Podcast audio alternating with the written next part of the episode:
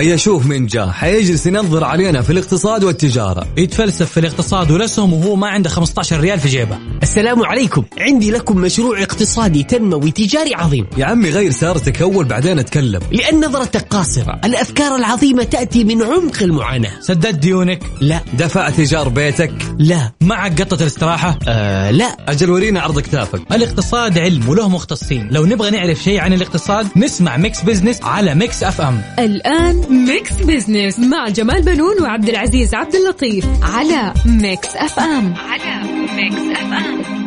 Mix Business مع جمال بنون وعبد العزيز عبد اللطيف على Mix FM على Mix FM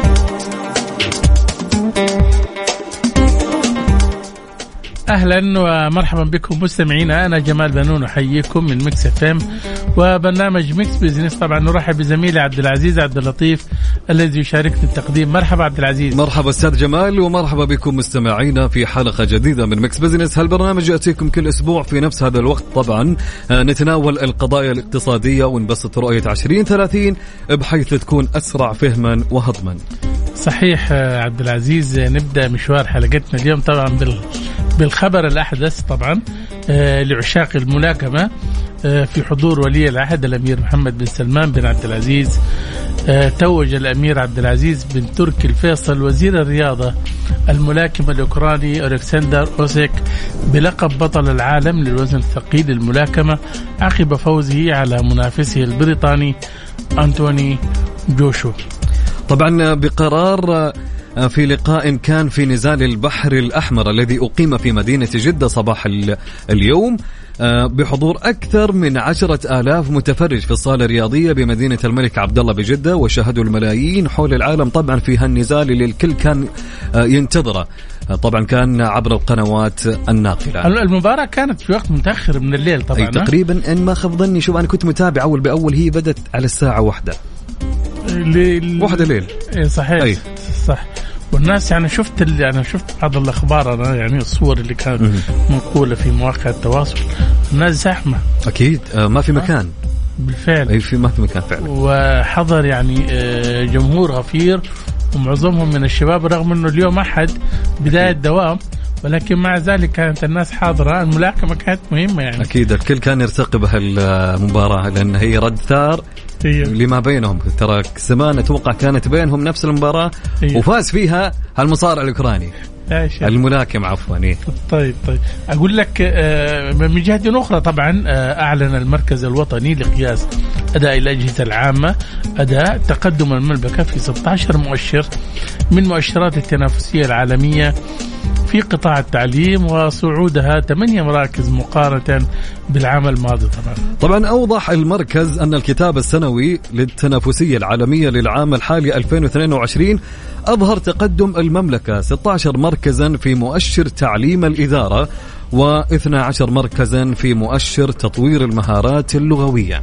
وأضاف أن المملكة تقدمت عشر مراكز في كل من مؤشر المهندسين المؤهلين ومؤشر تبادل المعرفة ومؤشر المهارات الرقمية والتقنية. وبان أن المملكة تقدمت تسع مراكز في مؤشر إنجازات التعليم العالي وثمانية مراكز في مؤشر التصنيفات العالمية للجامعات تايمز ومؤشر تعليم جامعي يلبي احتياجات الاقتصاد التنافسي وخمس مراكز في مؤشر خريجي التعليم الجامعي في تخصصات العلوم والتقنية وأربع مراكز في مؤشر حقوق الملكية الفكرية ومؤشر المقالات العلمية.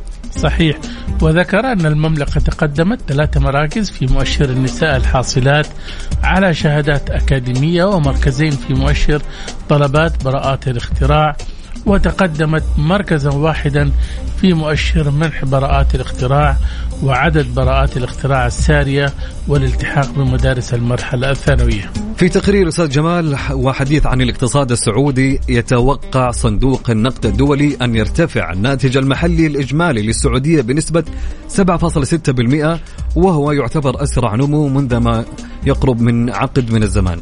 صحيح ومن المرجح طبعا عبد العزيز أن تكون المملكة العربية السعودية واحدة من أسرع الاقتصادات نموا في العالم في هذا العام في ظل الإصلاحات الاقتصادية الشاملة والارتفاع الحاد في أسعار النفط وتعافي قوة الإنتاج من الركود الناجم عن جائحة كورونا في عام 2020 وحسب صندوق النقد الدولي يشهد اقتصاد السعودية تعافيا قويا من حالة من الركود الناجمة عن جائحة كورونا وقد ساهم الدعم المقدم من خلال السيولة والمالية العامة وزخم الإصلاحات في إطار رؤية 2030 طبعا إلى جانب ارتفاع أسعار النفط وزيادة انتاجه في تعافي الاقتصاد وتحقيق معدلات نمو قوية آه، في ظل احتواء التضخم وصلابة القطاع المالي وأدى انحسار آثار الجائحه إلى تحسين مركز المالية العامة والمركز الخارجي للدولة. طبعا عبد العزيز للمزيد من التفاصيل حول بيان صندوق النقد يسرنا أن يكون معنا هنا في الاستديو الأستاذ مازن مصطفى لينجا مصرفي ومستشار مالي واستشاري آه، واستثماري آه، عضو جمعية الاقتصاد السعودية. مرحبا بك أستاذ مازن في Mix Business أهلا وسهلا بكم. وفرصه سعيدة آه، للاستضافة. حدثنا في البداية أستاذ مازن عن أهم النقاط التي آه، تطرق لها تقرير صندوق النقد الدولي.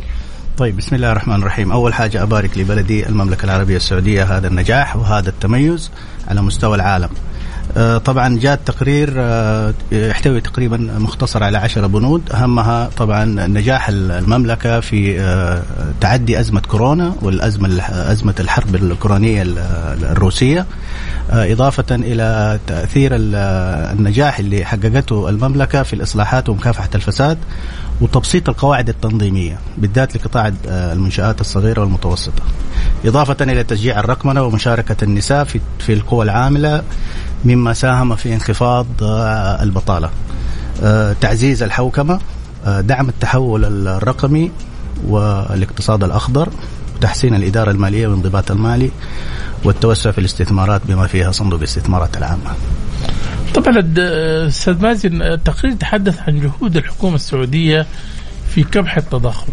صحيح. كيف أنت شفت يعني كيف عالجت الدولة هذا طبعا كان في توصيات من صندوق النقد الدولي منها إنه آه، إنه المملكة ترفع الحد آه، أسعار البنزين. الخطوة هذه طبعا قابلتها برفض الحكومة السعودية لهذا المقترح لأنه حقيقة آه، له عدة أسباب. منها المحافظة على التضخم. وعدم ارتفاع الأسعار المحافظة على التمسك الاجتماعي والاقتصاد السعودي استمرارية الدعم للصناعات لأنه تتحمل المصانع نفقات أعلى. تعرف لأنه المصانع بيكون تركيزها على القطاع الطاقة. إضافة إلى إنه زيادة جذب الاستثمارات. كل ما كان التضخم منخفض كل ما زادت عملية الاستثمار الأجنبي في المملكة. تحدث آه، عن تطبيق الخزان الموحد. كيف ترى أثر هذا؟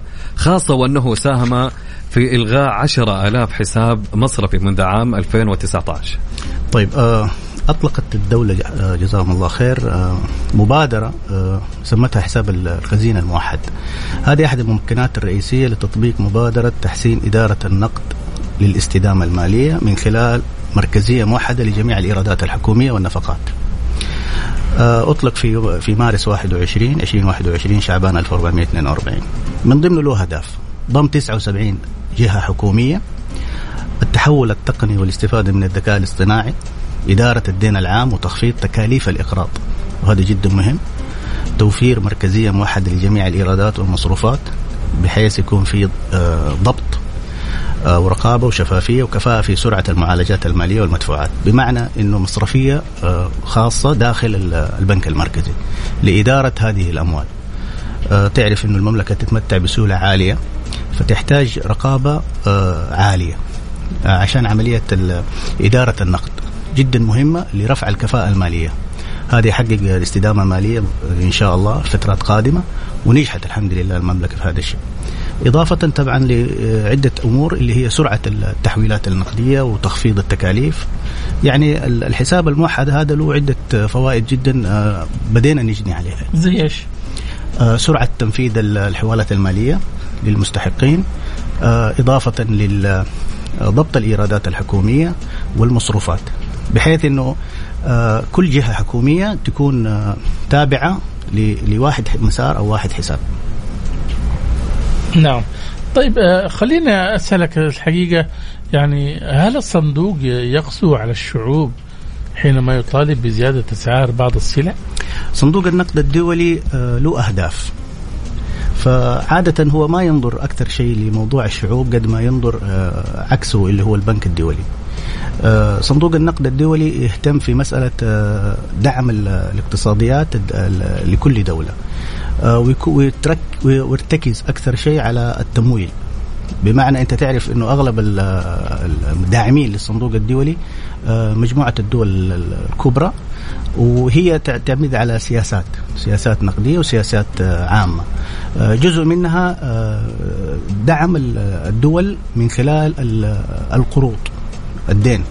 فهذا لها فوائد إيجابية لبعض الدول. ولكن الدول اللي هي بيكون عندها مشكلة في إدارة النقد زي ما كنا نتكلم إدارة حساب الخزينة آه، جد جدا بعض الدول للأسف ما بتستخدم هذه ال- ال- ال- الحسابات لأنها آه، بيكون فيها جزء من الخلل في إدارة النقد.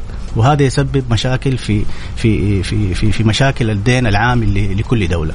وشفنا يمكن في دول كثيرة كانت بت بتعلن عن مشاكل مالية آه، بسبب ارتفاع الديون لديهم وانخفاض العملة. بالفعل. يبدو يعني آه، من الواقع إنه آه، التقرير كان إيجابي الحقيقة المرة هذه ويعني شمل العديد من الإصلاحات التي قامت بها الحكومة السعودية. أستاذ مازن انتهى وقتنا. شكرا لمشاركتك معنا. الله يبارك فيك. شكرا لكم. مستمعينا كان معنا الأستاذ مازن مصطفى لينجا مصرفي ومستشار آه، مالي واستثماري عضو جمعية الاقتصاد السعودية.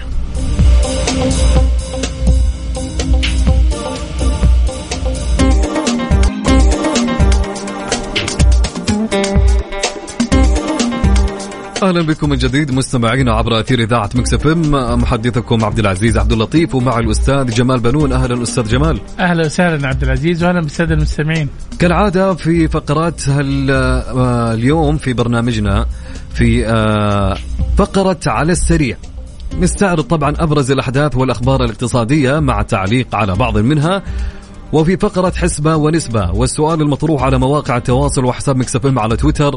سؤالنا يقول هل تؤيد فرض رسوم على الطرق التي توجد لها طرق بديلة؟ عندنا خمس اختيارات لها اليوم الاختيار الأول لا أوافق. الاختيار الثاني ليس الآن. الاختيار الثالث أرفض بشدة. والاختيار الرابع نعم. وأما الاختيار الأخير فهو محايد. إيش رأيك أستاذ جمال بهالسؤال؟ ورأيك في سؤالنا؟ والله شوف أقول لك يعني آه، فرض رسوم على الطرق. طبعا هذه متى يعني آه، تبدأ أنت تحط رسوم على الطرق؟ لما تكون أنت عندك خيارات متعددة في وسائل النقل. عندك قطار عندك ترام عندك تلفريك عندك سيارات أجرة متعددة عندك حافلات نقل أكثر. لكن تكون في بلد مثلا ما فيها غير حافلة واحدة مثلا يعني شركة واحدة تشغل هذا وما عندك قطار يمشي داخل المدينة مثلا. فبالتالي أنت يعني ما حطيته أمام خيارات. تاخذ منه كمان فلوس طب يخرج فين يروح؟ حتعطل كثير من مصالح المشتريات وكثير من حركة التسوق. حيكون في انكماش شوية. لكن لما البلدان الثانية عندها خيارات متعددة. مثلا النرويج الآن. النرويج ما يأخذوا فيها فلوس في المواصلات تركب باص تركب قطار تركب أي شيء. بلاش مجانا. ليش الحكومة تبغى تشجع الناس انهم يركبوا المواصلات العامة؟ الناس ما تستخدم سياراتها الخاصة. فتكون هي البديل لها. فهي البديهة هي أي. تشجع الناس على إنهم تركب هذا. فبس لكن الآن أنا أشوف إنه غير يعني آه، متطابق يعني بالنسبة لنا إحنا هنا آه، غير يعني آه، ما أوافق الآن. ابدا ترفض بشدة يعني حاليا. نعم.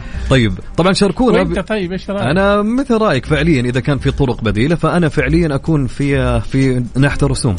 نعم. لكن نبغى ارائكم أكيد حول سؤالنا لهاليوم. سؤالنا يقول هل تؤيد فرض رسوم على الطرق التي توجد لها طرق بديلة؟ شاركوني على آه، الواتساب آه، على رقم 054 88 11700 ونتحدث اليوم في فقرة أهل الثقة. آه، نتحدث عن المنتجات الجديدة التأمينية التي فرضها البنك المركزي سامة على شركات التأمين. أثر هذه المنتجات على قطاع التأمين. سوف نتحدث حول هذا الموضوع مع الأستاذ سليمان محمد بن معيوف الرئيس التنفيذي آه، ومستشار تأمين ومخاطر من الرياض. طبعا نتعرف على أدوات رواد الأعمال آه، لإنجاح أعمالهم وللحديث حول هذا الموضوع ستكون معنا في الاستوديو الأستاذة خديجة محمد عناني آه، مستشارة تطوير أعمال. ضيفة معانا في الاستوديو. كل هذا وأكثر أستاذ جمال اليوم أكيد؟ أكيد في Mix Business. Mix Business مع جمال بنون وعبد العزيز عبد اللطيف على Mix FM. على Mix FM. أهل الثقة. ضمن Mix Business على Mix FM. على Mix FM. مستمعينا عدنا لكم من جديد في Mix Business طبعا معي زميلي عبد العزيز عبد اللطيف. مرحبا بك عبد العزيز. مرحبا أستاذ جمال ومرحبا بمستمعينا عبر أثير إذاعة Mix FM. طبعا عبد العزيز آه، ألزم البنك المركزي السعودي ساما آه، شركات التأمين بتغطية الاحتيال آه، وخيانة الأمانة والقدح والتشهير وخرق مبدأ السرية غير المتعمد وكذلك فقدان المستندات وانتهاء حقوق الطبع والنشر والتعدي على الملكية الفكرية بحد 10% من حد التغطية التأمينية. طبعا حنتوسع حول هذا الموضوع مع ضيفنا من الرياض الأستاذ سليمان بن محمد بن معيوف آه، الرئيس التنفيذي في CIAS مستشار تأمين ومخاطر. مرحبا بك أستاذ سليمان في Mix Business حياك الله شاكر على على الاستضافة. أهلا وسهلا. أه، حدثنا في البداية عن أه، مبادرات البنك المركزي السعودي في إيجاد منتجات تأمينية تلامس حاجات المستفيدين. هل القصد منها تعويض المتضررين؟ الحقيقة أنه البنك المركزي ممثل في الإدارة العامة للرقابة على قطاع التأمين. يعني يعني لهم دور كبير في عملية المبادرات في إيجاد منتجات يعني تلامس حاجات آه، المستفيدين، طبعا لما نتكلم عن المستفيدين إحنا لا نقصد فيهم فقط ال ال الأفراد وإنما أيضا الشركات لأن الشركات لديها مخاطر آه، عالية يعني عالية آه، وتحتاج إلى إلى منتجات تحمي حقوقهم ضد الغير. فمن ضمن المبادرات اللي اللي اللي أشرت لها من البنك المركزي اللي هي اللي إحنا نسميها المسؤولية المهنية بالنسبة للمحاسبين القانونيين. آه، يعني في أكثر من شركة عندهم آه، الوثيقة هذه ولكن الوثيقة هذه آه، لم تحدد فيها الالتزامات والحدود يعني بشكل بشكل مباشر. استدعى يعني هذا الشيء البنك المركزي في عملية إنه لابد من عملية تحديد التغطيات التأمينية وإنها لازم تكون محددة بالنسبة للمخاطر وذكر فيها عملية الاحتيال وخيانة الأمانة وحط لها يعني وضع لها حد 10% من قيمة التغطية. أيضا عملية القدح والتشهير التي قد يصاب بها أو أو أو أو أو تسيء إلى المحاسبين القانونيين. وأيضا خرق مبدأ السريه غير المتعمد آه لما يكون عندهم مثلا بعض المعلومات لبعض العملاء ويكون في عملية تسريب لهذه المعلومات بغير يعني يعني بطريقة غير متعمدة يفقد خصوصيات هذه المعلومات. نعم. آه فالبنك المركزي في اتجاهه الآن إنه لابد يكون فيه آه وثيقة موحدة نموذجية يمكن تطبيقها في السوق بشكل كامل من قبل جميع شركات التأمين يعني ما يكون عندنا أكثر من من من وثيقة وإنما وثيقة نموذجية نستطيع أن نضيف لها ولكن لا نستطيع أن ننقذ من هذه التغطية التأمينية. طيب بدي بدي أستفسر منك بنفس يعني في نفس السؤال هذا آه، هل المقصود 10% حد التغطية هذه من إجمالي قيمة التكلفة يعني قصدك؟ لا مش من إجمالي التكلفة من من الحد التأميني يعني مثلا هم آه، وضعوها إلى حد مثلا 10 10 مليون. ففصلوها تفصيليا إنه قالوا والله 10% من ال 10 مليون خاصة بعملية الاحتيال وخيانة الأمانة. من العشرة مليون خاصة بمبدأ آه، أو خطر خرق مبدأ السرية 10% آه، فقد المستندات. هذه راح تساعد في عملية أنه التحقق من عملية التعويض إذا كان في تعويض إنها ما تكون مفتوحة، إذا كانت مفتوحة معنى كذا شركات التأمين راح تخسر فيها. جميل. أستاذ سليمان وثيقة التأمين ضد مس... ضد المسؤولية المهنية لمراجعي حسابات المنشآت الخاضعة لإشراف هيئة السوق المالية هل هي جديدة في السوق السعودي؟ هي هي جديدة وأقدر أقول عليها قديمة لكن عملية المبادرة من البنك المركزي نظمت العملية ووضعت لها أطر على أساس أنها تكون مفهومة للمستفيدين وأيضا للعملاء أنفسهم على أساس انه يكون فيها عملية يكون فيها آلية واضحة آه، يكون في عملية استقرار لها يكون فيه آه، آه، شيء واضح من عملية في عملية التعويض. وهذا اللي خلاهم يعني إنه إنه يكون فيها نسب محددة. نعم. طيب المغزى من إلزام شركات التأمين من وجود حدود في التغطية التأمينية للمخاطر اللي بتواجه مراجعي الحسابات مثل الاحتيال وخيانة الأمانة والقدح والتشهير ومبدأ السرية وفقدان المستندات. هو المغزى إنه أكيد إنه في حالات يعني حصلت حالات وظهرت على السطح يعني لم يكن فيها حل لا عملية تحكيم ولا عملية مقاضاة ولهذا يعني كان لابد انه يكون في عملية توضيح لها على أساس أنها تكون سلسة وماشية بطريقة آه، يعني تفيد جميع المستفيدين. بكل تأكيد هناك أرقام وصلت إلى البنك المركزي آه، ألزمت أنه لابد يكون فيه آه، تنظيم جديد للوثيقة هذه. بقى علينا أن نقول أنه لابد يكون في عملية تنسيق ما بين البنك المركزي وما بين هيئة سوق المال على أساس أنها تكون آه، إصدار مثل هذه الوثائق آه، أقدر أقول مش إلزامية وإنما من متطلبات آه، عمل المحاسبين القانونيين. جميل. أستاذ سليمان هل وجود وثيقة تأمين نموذجية حل لعدم تفاوت التغطية التأمينية؟ بكل تأكيد وهذا اللي إحنا يعني نبحث عنه دائما في في قطاع التأمين. يعني إحنا مثلا شاهدنا مثلا الوثيقة النموذجية بالنسبة لتغطية المسؤولية ضد الغير للمركبات. شفنا أيضا الوثيقة النموذجية بالنسبة للأخطاء الطبية.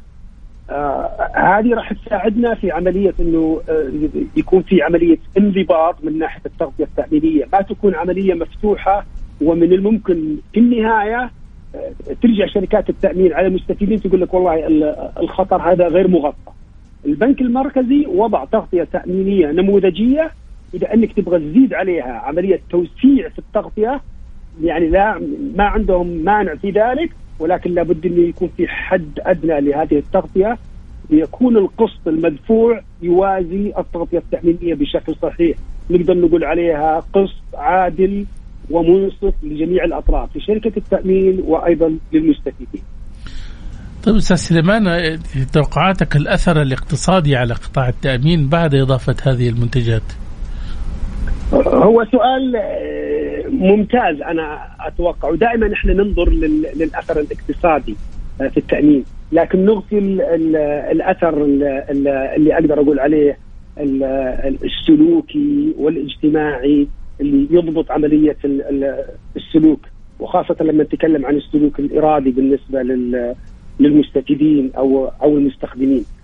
أغلبنا يمكن ينظر للتأمين على إنه عملية تعويض فقط لا غير، إنه حصل لك ضرر آه، حصل لك خسارة لابد شركة التأمين تدفع لك.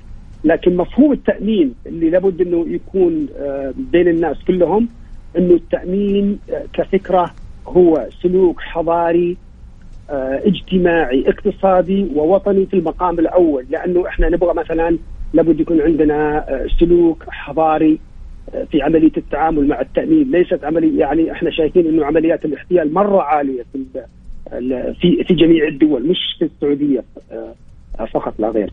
لكن لما نتكلم عن ال ال ال الأثر الاقتصادي أكيد إنه راح تفيد في عملية الأقساط اللي راح تحصل لما يكون عندنا أقساط آه، يعني تستلمها شركات التأمين راح يكون جزءا منها في عملية الاستثمار راح يكون فيها جزءا من عملية الوديعة النظامية اللي توضع في البنك المركزي ويمكن الاستفاد منها في عملية استثمارها وتنامي مثل هذه ال ال الودائع النظامية نعم. أيضا لا ننسى إيه أيضا لا ننسى إنه عامل ال ال ال السلوك الاجتماعي إنه راح يكون عندنا أكثر من برنامج أكثر من تغطية تأمينية تكفل حقوق الجميع المستفيدين كعملاء وأيضا المتضررين. صحيح. أستاذ سليمان شكرا للمعلومات القيمة اللي تعطينا انتهى وقتنا شكرا لمشاركتك معنا. شكرا لكم. مستمعينا كان معنا الأستاذ سليمان محمد بن معيوف الرئيس التنفيذي في CIAS مستشار تأمين ومخاطر. Mix Business مع جمال بنون وعبد العزيز عبد اللطيف على Mix FM. على Mix FM. Spotlight ضمن Mix Business على Mix FM. على Mix FM.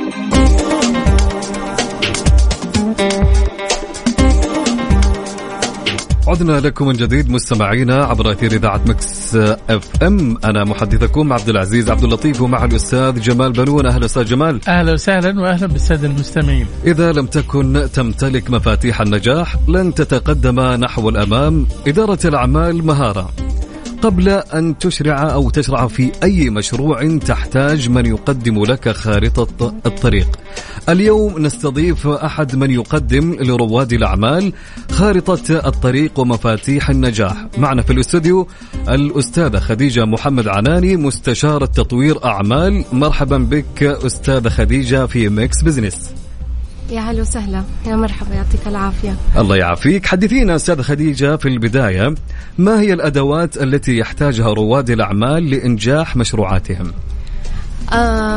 أول حاجة يعطيكم العافية على الاستضافة الحلوة هذه. آه إن شاء الله بإذن الله نكون فاتحة خير آه للناس اللي آه يحبوا يسمعونا ويحبوا يطوروا نفسهم. مجال رواد الأعمال فتح من فترة طويلة لكن ما كان عليه إقبال بسبب حاجة اسمها الخوف. الخوف من فقدان رأس المال الخوف من عدم النجاح الخوف من كلام الناس الخوف الخوف الخوف كان دائما يسيطر تماما على عقليات الناس. الآن بعد دعم الدولة آه، السعودية للمنشآت الصغيرة والمنشآت آه، المتوسطة بدأوا الناس يتوجهوا لهذا التوجه.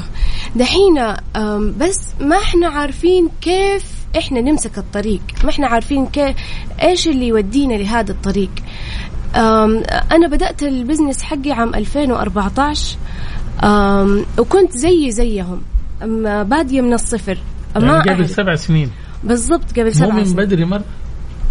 من بداية ثورة عالم عالم الأعمال أو الإنتربرنور في في السعودية.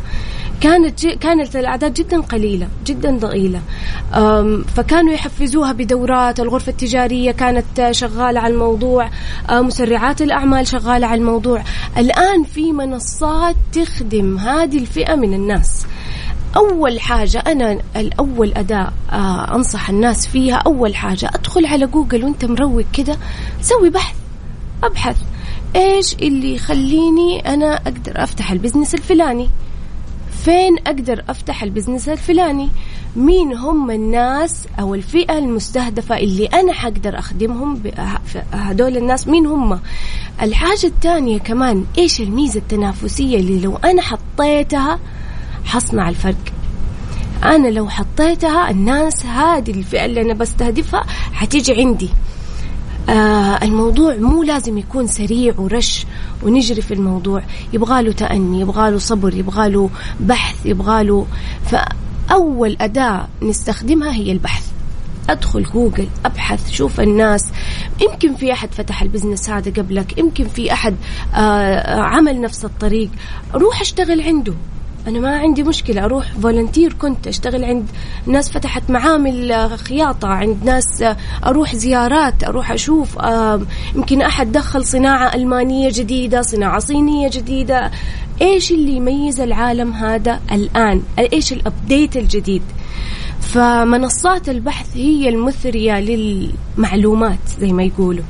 خلينا بعد ما نثري المعلومات نبدأ نحط نفند نحط على ورقة وقلم. إيش البيئة المناسبة؟ إيش شريحة العلماء عملاء؟ إيش المنافسين؟ مين هم المنافسين؟ خلينا نسوي استبيانات كمان. خلينا نسأل الناس. ننزل نسأل الناس. آه، في عندك جوجل عامل لك الاستبيانات آه، استطلاع الرأي. بعدين أبدأ أختار هويتك.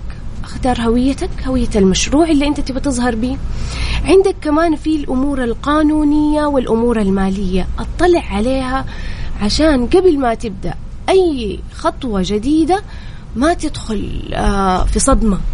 يوم ما تكون بدأت تحمست فتحت سجل تجاري وراك زكاة ودخل وراك ما أعرف إيه وراك ما أشياء كثير أنت ممكن تورط فيها.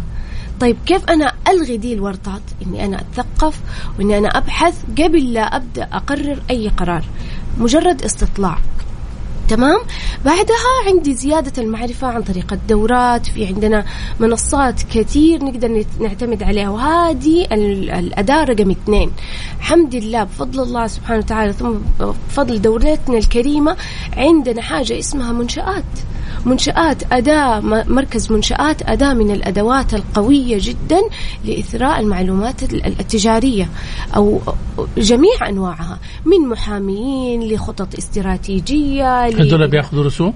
لا يأخذوا لا ما يأخذوا رسوم نهائيا دعم كامل من الدولة. ومن أكبر يعني الناجحين في كل مجال من مجالات الحياة من كل صناعة. عندك كمان مسرعات الأعمال. مسرعات الأعمال في ناس كثير من اللي شقوا الطريق ونجحوا حبوا أنهم يفيدوا غيرهم. هذول مسرعات صنعوا مسرعات الأعمال. آه وفي أسماء عظيمة جدا في البلد عندنا. آه بس آه ندخل نبحث عنهم في جوجل يطلعوا لنا في كل مناطق المملكة. ما شاء الله تبارك الله. عندك كمان ال freelancers. لما إن إحنا مثلا آه نبغى نصنع هوية. مو أروح لأعلى واحد يصنع هوية وأروح أقول والله لا مرة غالي واقف أقفل الموضوع. لا إحنا عندنا freelancers دوبهم متخرجين منها الناس تدعم بعض صح ولا لا؟ أنا أدعم أنا أدعم صاحبي صاحبي يدعمني. آه واحد متخرج تصميم الثاني متخرج آه branding الثاني الثالث متخرج. وهكذا. إيش؟ نحط يدنا بيد بعض وفي بعضهم من المتخرجين ياخذوا مبالغ رمزية يعني. يعني أنت قصدك أستاذة خديجة إنه إحنا اليوم آه الأشياء المستحيلة نخليها كذا حاجة سهلة. صحيح صحيح الحاجة المستحيلة أصلا ما في مستحيل أنا ضد كلمة مستحيل. وحتى مو, مو سهل السهل هو هل أقدر أو ما أقدر. متى ما كان في شغف المقدرة موجودة. الشغف موجود الخطة بحثت ولقيت خطة أنا أقدر أصنع هذه الخطة. وبعدين اللي يقوي هذا الحاجة لما يكون في قائد عندي لما أصنع لنفسي قدوة قائد أو قدوة في هذا المجال أو في مجالات أخرى اللي هي زي مثلا أنا تخصصي فني في مجال ما لكن أنا عشان أفتح المشروع هذا يبغى لي جانب إداري. مثلا أروح أبحث لنا على ناس إداريين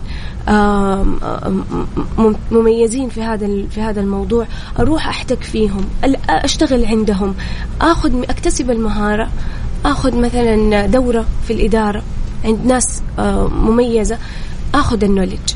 فبالتالي أنا آخذ في كذا مجال عشان أفتح أنا كرائد أعمال أفتح مشروعي وأكون أنا مسيطر قدر الإمكان. جميل. أستاذ خديجة هل بالضرورة أن يستمر دور مستشار تطوير الأعمال بعد قيام المشروع؟ شوف هذا سؤال جدا جميل.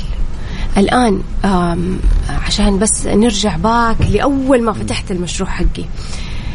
آه كان في أستاذ آه جدا قدير قال لي يا خديجة أنت قدامك 12 طاقية. 12 طاقية. إيش هذه الطاقية؟ أنت طاقية الخياط حتلبسيها. في ساعة ما. طاقية المدير حتلبسيها في ساعة ما. تشرحي طاقية الخياط تلبس طاقية المدير. في ساعة ما تشلحي دي الطاقية حتلبس الطاقية الثانية والثالثة. إلى حتى من... العامل اللي ينظف المكان حتشلحي الطاقية وتلبسي طاقية العامل. حتنظفي مكانك. عشان انت حتكوني ملمة بهذا كله. رائد الأعمال أول ما يشق طريقه حيكون عليه الكد والكدح. كامل مية في المية. هذا أول ما يبدأ. رائد الأعمال كيف تعرفه ناجح؟ السؤال هذا مرة مميز. أول ما يبدأ يقلل عدد الطواقي حقته تعرف إنه طلع. جاب عامل لأنه بدأ الإنكم يدخل شال طاقية العامل. شوية جاب مدير لأنه هو ما يقدر على الإدارة. هو فني مثلا يشيل هذه الطاقية. هو صار مدير العاملين اللي عنده. كل شوية كل سنة ممكن يشلح طاقية من عنده. إلين يصير هو المالك أو السي اي أو حق المشروع حقه. لما يوصل لدي المرحلة أعرف إنه هو يعتبر ناجح. هذا دوره. وبعد ما ينجح اللي يقول لك أنا ناجح واقف في مكانه هذا غلطان. لازم يكمل بدور آخر. عطاء. دور العطاء وهدول يكونوا ناجحين بتميز. فدور رائد الأعمال دائما متغير. إذا بقي في نفس مكانه فهو لا يتطور غير متطور. صحيح. بقي يلبس الطواقي حقته وهو غير متطور. لو تخلص من الطواقي. الطواقي حقته وبقي بطاقية السي اي أو؟ أعرف إنه مشروعه ناجح وإذا صار بطاقية معطاء بعد كده أعرف إنه هو متميز. إذا خلينا نفهم ناخذ من الطواقي مثال. إذا بقيت الطواقي كما هي معناته هو بيمر بصعوبات. صحيح. صح ولا لا؟ صح. هذه يعني اللي بتواجه رواد الأعمال كثرة الطواقي ومتى ما تخلص منها يكون هو بالفعل أصبح يخطو نحو الأمام ولا لا؟ صحيح صحيح وأنتم عادة النصائح اللي بتوجهوها لرواد الأعمال في بداية مشاريعهم إيش هي؟ لا تخاف مم. الخوف أول أول باب للفشل كون حليم كون هادئ كن صبور وكون فطن الفطنة إنك أنت تخلع كبريائك. أول ما الواحد يفتح مشروع عادة عادة آه يلبس ثوب الكبرياء وهو مو حاسس. إنه أنا فتحت مشروع. لا أنا فتحت مشروع. يعني أنا قدامي سكة طويلة شوية على قدام عشان أثبت إني أنا ناجح في هذا المشروع. فأول حاجة عندنا كن صبور كون مرن. مرن. أنا حواجه صعوبات. أنا حواجه صعوبات لأني أنا عمري ما سويت هذا الشيء قبل كده نعم. أول ما أبدأ أكيد حألاقي صعوبات. هذه الصعوبات كيف أتخلص منها؟ بالفطنة وبالحلم بالصبر. بعدين هي مثلث. ال business هو مثلث. في جانب فني اللي أنا أعمل عليه اللي أنا أقدمه في النهاية منتج للعميل وعندي الجانب الإداري اللي يخلي دائرة البزنس عندي تمشي بطريقة صحيحة ودائرة العمل عندي يمشي بطريقة صحيحة والجانب التسويقي المبيعات اللي يوصل صوتي للعميل المستهدف. هذه إذا المثلث هذا مشي بنجاح أنا أضمن لصاحب المنشأة أو صاحب العمل إن هو يمشي بطريقة سلسة واضحة لنحو النجاح. هي ثلاث سنين هي خمس سنين هي سبع سنين كل واحد حسب خطة خطة الجدوى حقته. بالفعل نصائح مهمة من يعني مطورة مشاريع رواد أعمال ومستشارة أيضا. وقتنا انتهى أستاذة خديجة. شكرا لمشاركتك معنا. يعطيكم العافية. يا هلا ومرحبا. مستمعينا كانت معنا الأستاذة خديجة محمد عناني مستشارة تطوير الأعمال. Mix Business مع جمال بنون وعبد العزيز عبد اللطيف على Mix FM على Mix FM على السريع. ضمن Mix Business على Mix FM على Mix FM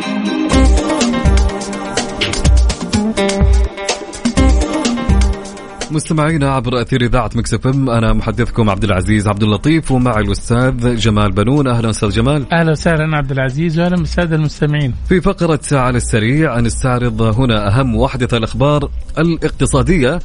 قرر مجلس الوزراء السعودي الموافقة على تعديل المادة الثالثة من قواعد تنظيم لوحات الدعاية والإعلان لتكون مبلغ لا يتجاوز 600 ريال سنويا. أنا قريتها 6000 أنا قلت كيف؟ لا يمكن. okay. بمبلغ لا يتجاوز 600 ريال سنويا عن كل متر مربع أو جزء منه. طبعا هو مبلغ لا يتجاوز 400 ريال سنويا طبعا عن كل متر مربع أو جزء منه ويضع الوزير طبعا المختص أو في حكمه معايير تحديد مقدار كل رسم بحسب نوع اللوحة وموقعها والتقنية المستخدمة ومدة الترخيص وغيرها من المعايير وله تحديد أساس احتساب الرسم على أساس يومي أسبوعي شهري سنوي بناء على ما يقدره في هذا الشأن. طبعا كانت قبل التعديل 200 200 ريال عن كل متر مربع أو أجزاء منه و100 ريال عن كل متر مربع أو أجزاء منه وذلك لجميع اللوحات. طبعا يعني معناته اللوحات المحلات التجارية الآن آه حترتفع اسعارها طبعا وتدخل ضمن الرسوم أكيد الجديدة. أكيد. طبعا أستاذ جمال اليوم كانت حلقتنا جدا جميلة. صحيح. بضيوف جميلين ومميزين معنا لها اليوم طبعا نشكر ضيوفنا الذين شاركونا اليوم في حلقة Mix Business الأستاذ سليمان محمد بن معيوف الرئيس التنفيذي في سي اي اس مستشار تأمين ومخاطر. نعم وأيضا نشكر الأستاذ مازن مصطفى الانجا مصرفي ومستشار مالي واستثماري عضو جمعية الاقتصاد السعودية وكانت أيضا معنا الأستاذة خديجة محمد عناني مستشاره تطوير أعمال. طبعا موعدنا يتجدد معكم الأسبوع المقبل كل أحد من الساعة الثانية للساعة الثالثة مساء بحول الله. إن شاء الله نكون قدمنا يعني حلقة دسمة وطبق من المعلومات المفيدة. إن شاء الله في أمان الله ورعايته.